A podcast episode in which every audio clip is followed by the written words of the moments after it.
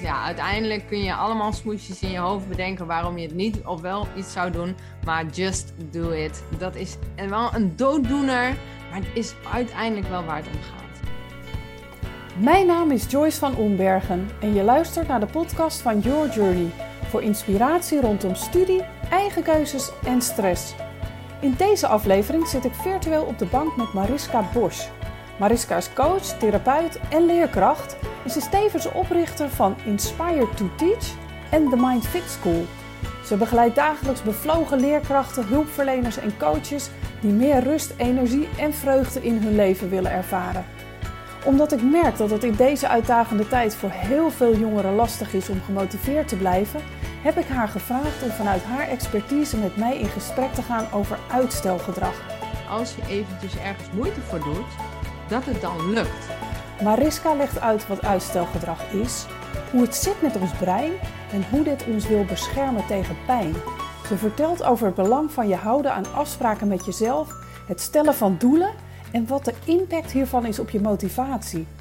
Kleine stukjes, en, um, en je, maar je hoeft het ook niet allemaal alleen te doen. Ze legt ook uit waarom de uitspraak korte termijn fijn, lange termijn pijn, wat haar betreft op een tegeltje zou mogen staan. En ze deelt een aantal prachtige voorbeelden uit haar eigen studententijd. Ben jij aan het uitstellen en kun je wel wat praktische tips gebruiken? Leg dan snel pen en papier klaar en laat je inspireren door een professional die met de nodige humor en vol overgave haar kennis en ervaring met je deelt. Veel luisterplezier! Goedemorgen Mariska. Goedemorgen Joyce, wat leuk dat ik hier mag komen in jouw podcast. Ja, fantastisch dat je hier wil zijn, want uh, we gaan het over een heel interessant thema hebben, wat echt super actueel is. Namelijk, hoe blijf je aanpakken en uh, ver van uitstellen in deze toch wel uitdagende tijd? Ja, ja dat, uh, er wordt veel gevraagd van uh, studenten, van leerlingen. En ik kan me heel goed voorstellen dat je zeker in deze tijd nog meer gaat uitstellen dan wat je normaal gesproken deed. Ja, en jij Mariska, voor de luisteraars, eigenaar van Inspire to Teach en de Mind Fit School. Daarnaast ben je coach, therapeut en leerkracht. Dus dat is een hele mond vol. En ik ken jou echt als een enorm bevlogen persoonlijkheid.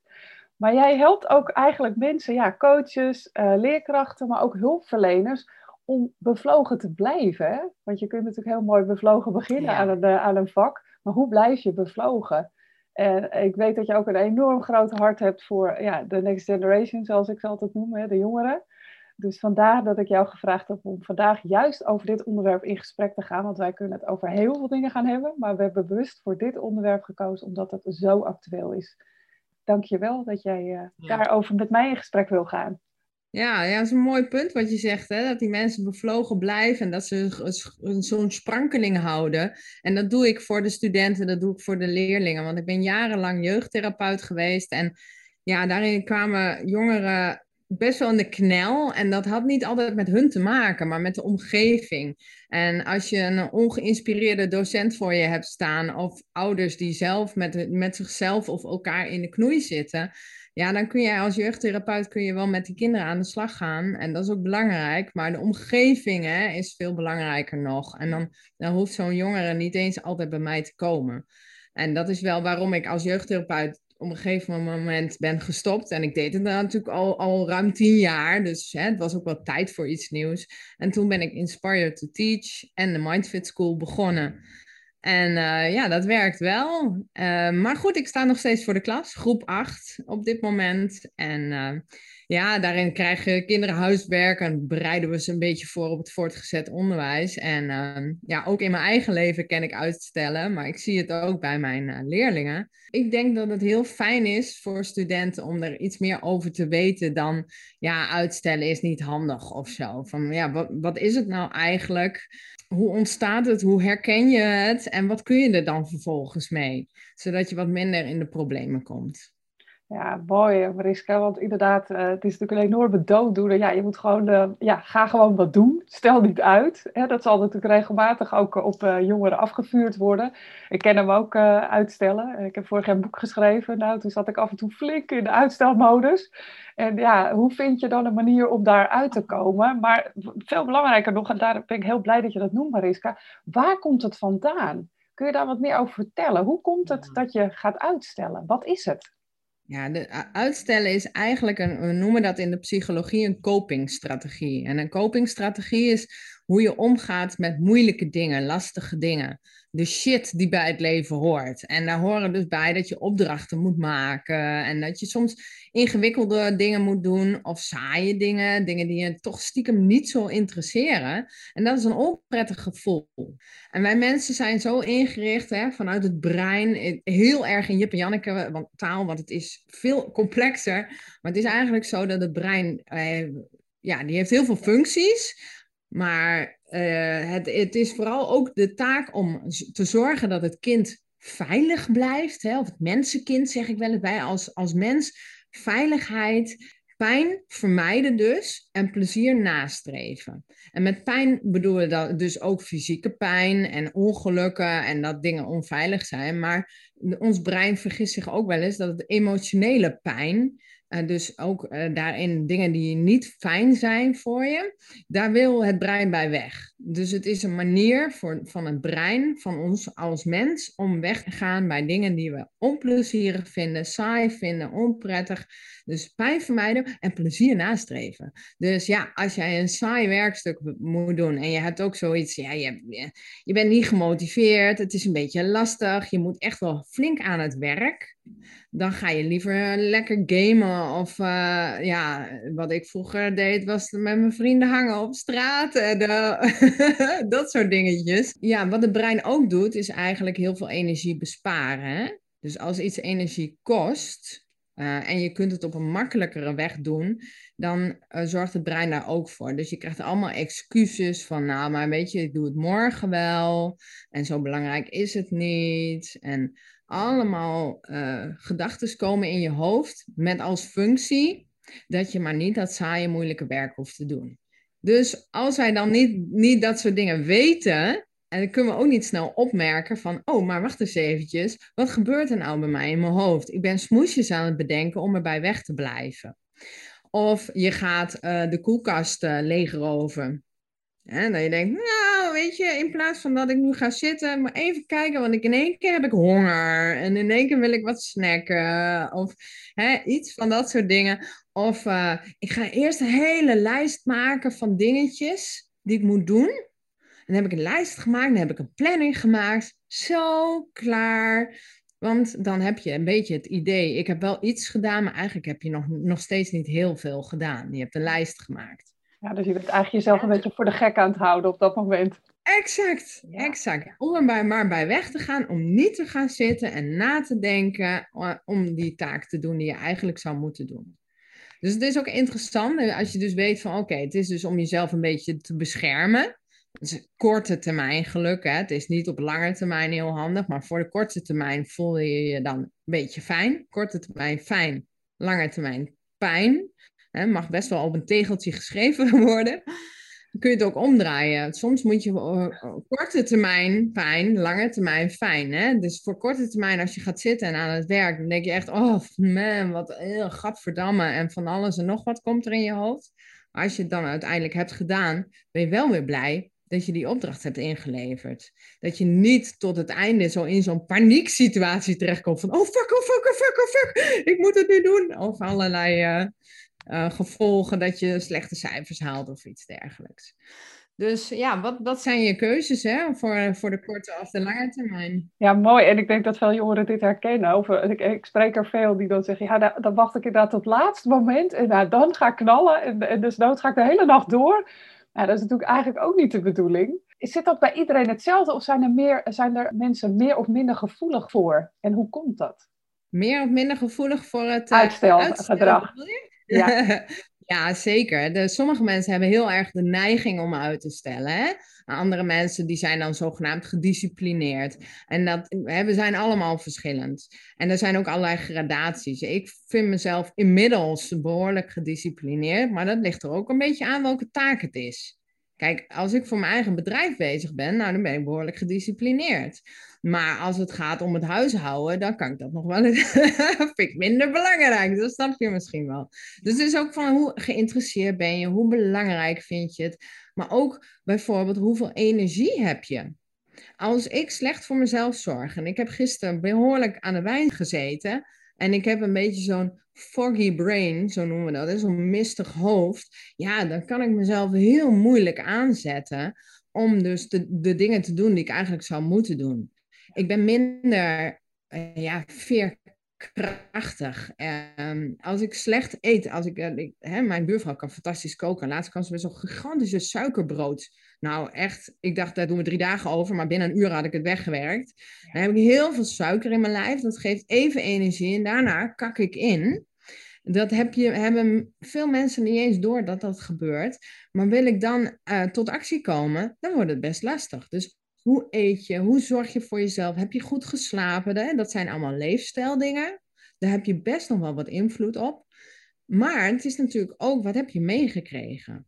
Als voorbeeld van je ouders. Hè, heb jij zelf ook ouders die heel gedisciplineerd zijn, dan is het vaak een voorbeeld en dan doe je dat na. Of kom je uit een cultuur wat dan zegt, oh, niet lullen, maar poetsen, kom op, hè, weet je wel. Gewoon doorgaan. Dan heb je er toch al iets meegekregen. Maar dat is geen garantie, want het kan ook zijn dat je juist het tegenovergestelde doet van wat je van je ouders hebt gezien. Ik zie ook nog wel eens, ik heb jongeren gezien waarvan ouders zeiden, nou, is dat een kind voor mij? Weet je wel, want hoe kan het nou? Wij zijn zo gedisciplineerd, maar als je dan met, met het, die jongeren gaat praten, dan kom je er vaak achter van, ja, maar die heeft gezien van, jee, mijn ouders die kunnen zo hard werken, die zijn oververmoeid, die worden zagrijnig, uh, die hebben ruzie met elkaar. Ik wil dat niet. Of je hebt heel gedisciplineerde ouders die alles voor jou doen. En dus ja, ja, dus die willen alles bij je weg en die willen heel goed voor je zorgen, maar daardoor heb je zelf ook niet ervaren dat als je eventjes ergens moeite voor doet, dat het dan lukt. Ja. En dat is ook een hele mooie ervaring. Hè? Dat is dus ook, ik zeg wel eens, uh, ik ben nu ook met een jong volwassene bezig, hartstikke leuke meid, begin twintig. Ze heeft heel weinig zelfvertrouwen, maar ze maakt afspraken met zichzelf, maar ze houdt zich niet aan haar eigen gemaakte afspraken. Dus dat betekent dat je dan eigenlijk onbetrouwbaar naar jezelf toe, hè? Maar je vindt jezelf eigenlijk stiekem ook best wel een loser. En dat maakt ook dat je dus weinig zelfvertrouwen krijgt. Nou, als je dat vaak genoeg doet, zit je in een soort spiraal. En ook de overtuiging van, zie je wel, het lukt mij toch niet. Andere mensen lukt het allemaal, maar mij niet. Nou, als je dat echt gelooft, en dan nogmaals, er zijn ook weer dingen waar we heel vaak niet bij stilstaan, maar ga eens zelf onderzoek doen. Als je dat gelooft over jezelf, ja, waarom zou je dan in godsnaam dingen gaan doen? Dan lukt het je toch niet? Nee. Dus daarin, en dus het is gewoon heel belangrijk dat je snapt, wat is nou het uitstellen? Welke neigingen heb ik nou eigenlijk? Waar komt het een beetje vandaan? Zodat je het ook een beetje herkent. En wat zijn je, wat zijn je patronen? Ga je de hele tijd zitten eten dan? Of ga je juist uh, allemaal op je telefoon en je vrienden lastigvallen? Toen ik de PABO deed, dan hadden we dan een heel mooie plek waar we dan samen gingen werken. Uh, aan je eindverslag, je meesterstuk heette dat. Ja, ik wist wel op een gegeven moment, dit is echt geen handige plek. Want ik ben met iedereen aan het ouwehoeren. Maar ondertussen kom ik zelf niet verder. Dus dan hadden we studiecellen. Een vreselijk woord ook, vreselijke plek. Het was ook net een cel. Maar het werkte wel. Computer, kon ik mijn verslag maken. Ik was ermee aan de... Aan, anderhalf uur was ik dan hard aan de slag. Nou, ik rookte toen in die tijd nog. Dus ging ik uh, buiten roken. Ging ik iedereen lastigvallen. Had ik half uur pauze. En dan ging ik weer aan de slag. Dus ja, weet ook welke neigingen je hebt en wat goed voor jezelf werkt. Ja, het, het prachtige Mariska. En dat vraagt natuurlijk wel enorm zelfbewustzijn. Dus wat, wat zou je nou echt... Ik herken het helemaal ook het is, uh, ik ben natuurlijk uh, ook al een stuk ouder, dus ook door schade en schande natuurlijk wijzer geworden en die inzichten opgedaan.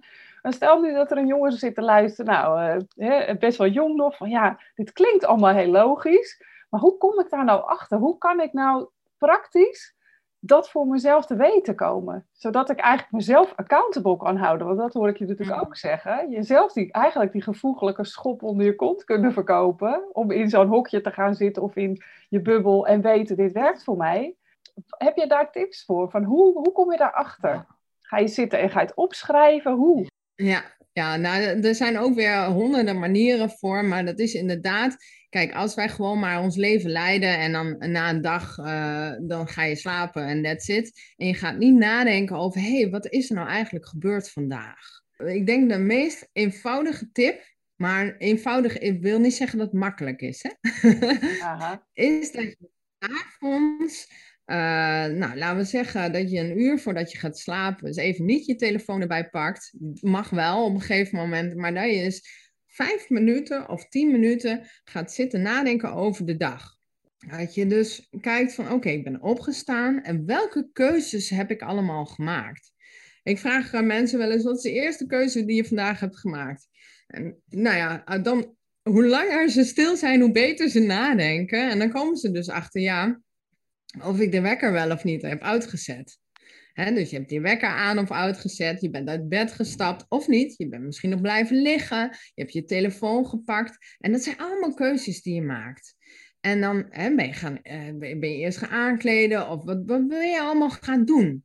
En welke keuzes heb je dus gemaakt? En dan kun je vanzelf ook gaan nadenken, was dit een handige keuze? Als ik een andere keuze had gemaakt, welke gevolgen was? Als ik dus niet in bed had gelegen, eh, dus op de snoesknop had gedrukt, wat had ik dan wel gedaan? Dan was ik misschien wel anderhalf uur eerder uit bed gegaan. Wat had ik met die tijd kunnen doen? Dus de allereerste stap is dus terugkijken naar je dag. Welke keuzes heb je gemaakt? En vervolgens kun je gaan nadenken over, was dit een handige keuze of niet? Was dit een korte termijn gelukkeuze of een lange termijn gelukkeuze? Ja, ik ben er meteen uitgegaan, chagrijnig als wat, weet je wel. Ik ben een koude douche gaan nemen om mezelf wakker te maken.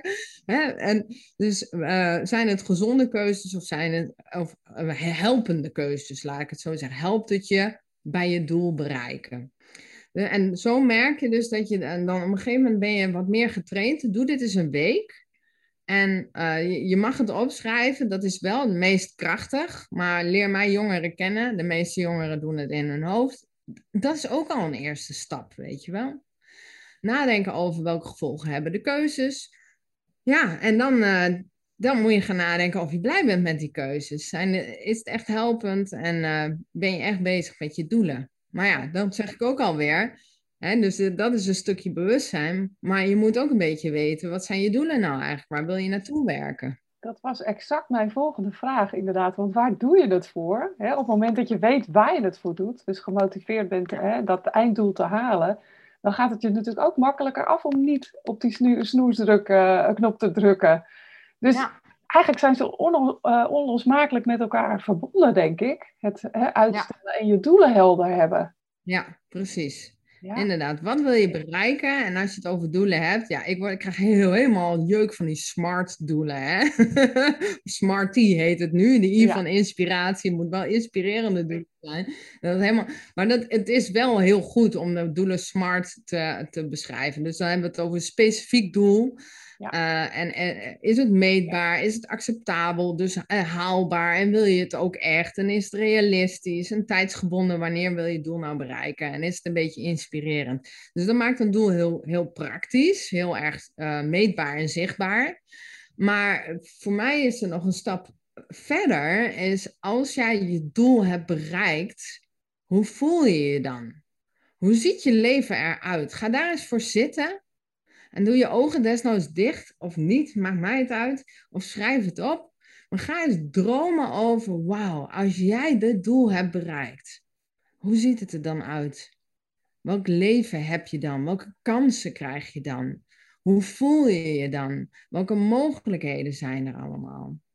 En als je nu nog niet aan het schrijven bent, aantekeningen maken met deze podcast, doe dat alsjeblieft. Want er komen heel veel praktische dingen en dan je denkt, oh ja, goeie, goeie. En op een gegeven moment, na een paar minuten, ben je het alweer kwijt. Hè?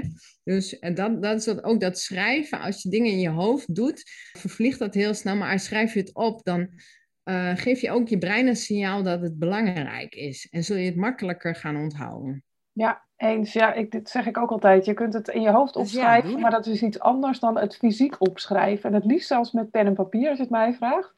En ik heb ook uh, begrepen dat dat ook echt een andere hersenfunctie is, waardoor het echt iets anders activeert.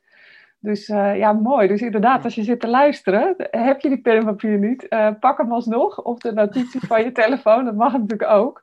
En je kan hem natuurlijk ook altijd even terugluisteren.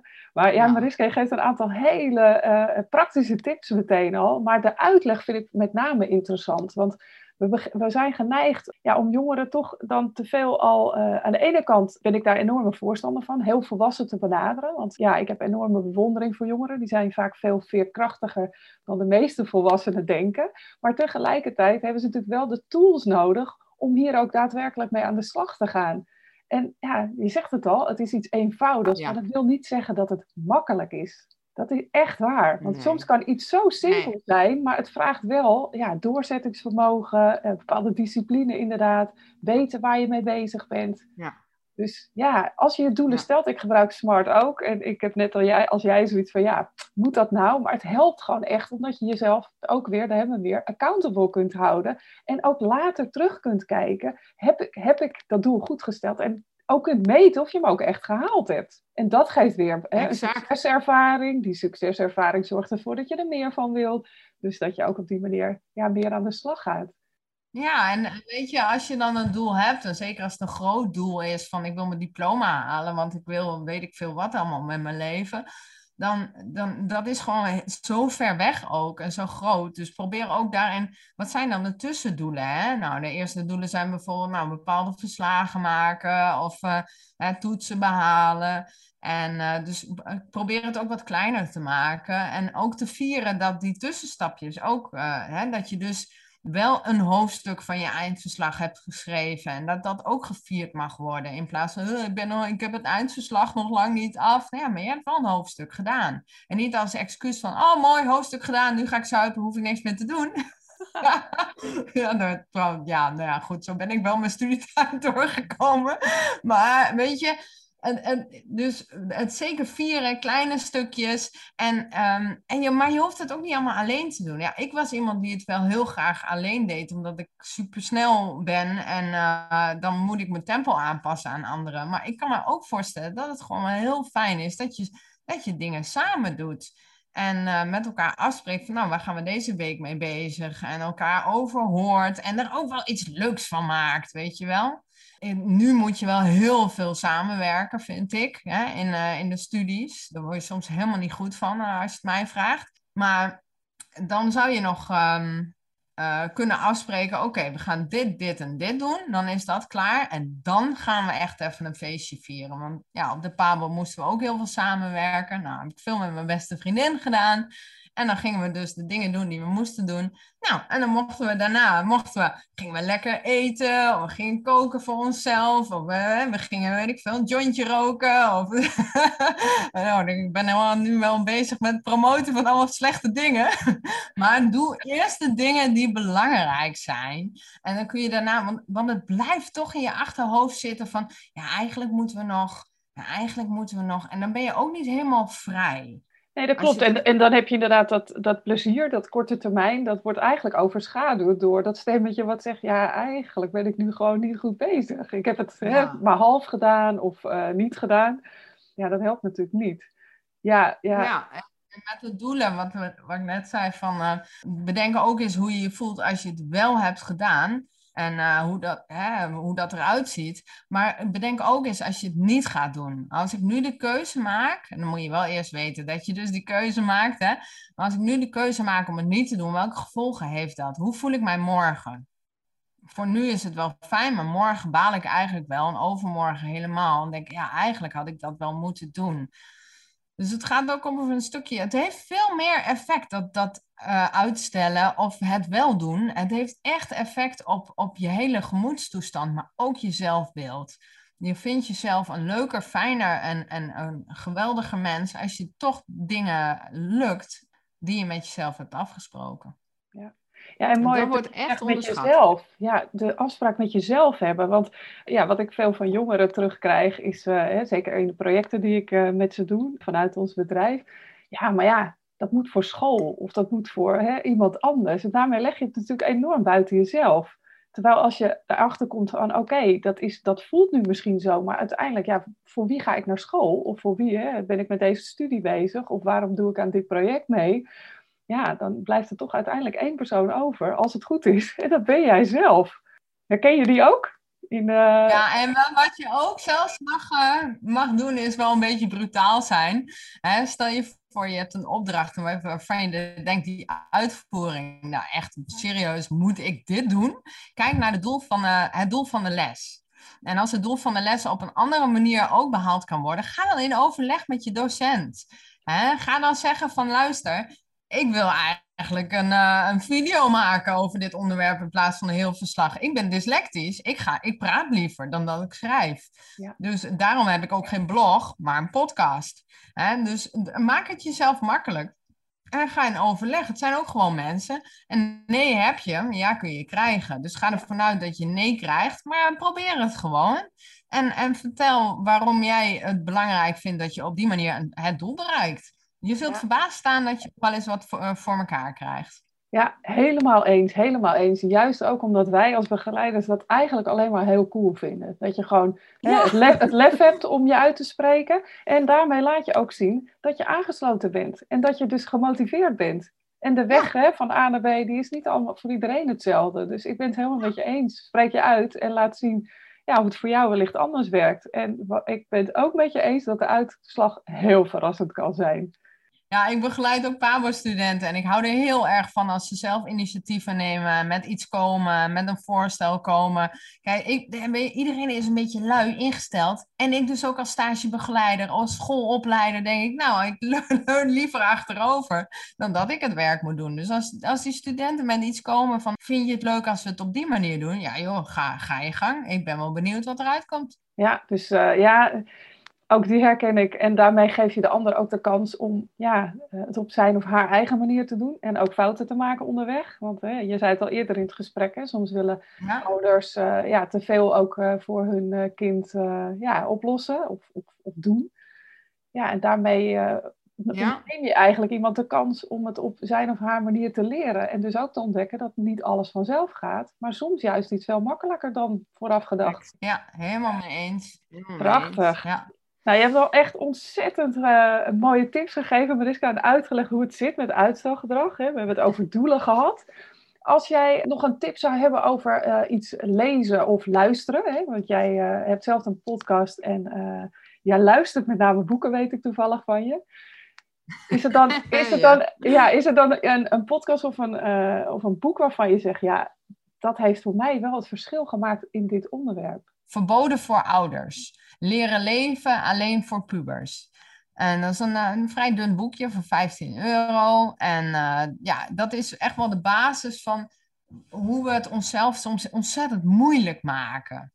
Door onze gedachten te geloven en uh, dat we een beetje zijn vergeten van wat vinden we nou echt waardevol. dus meer naar je eigen waarde gaan leven. Wat vind ik waardevol? Wat wil ik bereiken? Wat heb ik nodig om dat te bereiken? Ja, en vooral ook je hele gedachtenwereld niet zo ontzettend serieus nemen. Want het merendeel van wat er in je opkomt, is gewoon de reinste bullshit. Het is gewoon een reactie op, op de omgeving of zo. Hè? En als je dat doorziet, dat je niet je gedachten bent, maar je hebt je gedachten, dan uh, ja, denk ik dat je al, dat had ik gewoon heel graag al wel eerder willen, willen leren. Maar ja, goed, we hoeven niet alles al te leren. Je hebt nog een heel leven om van alles te leren, dat dan ook wel weer. En dan heb je nog Stephen, Stephen Covey, hè? De zeven eigenschappen die jou succesvol maken.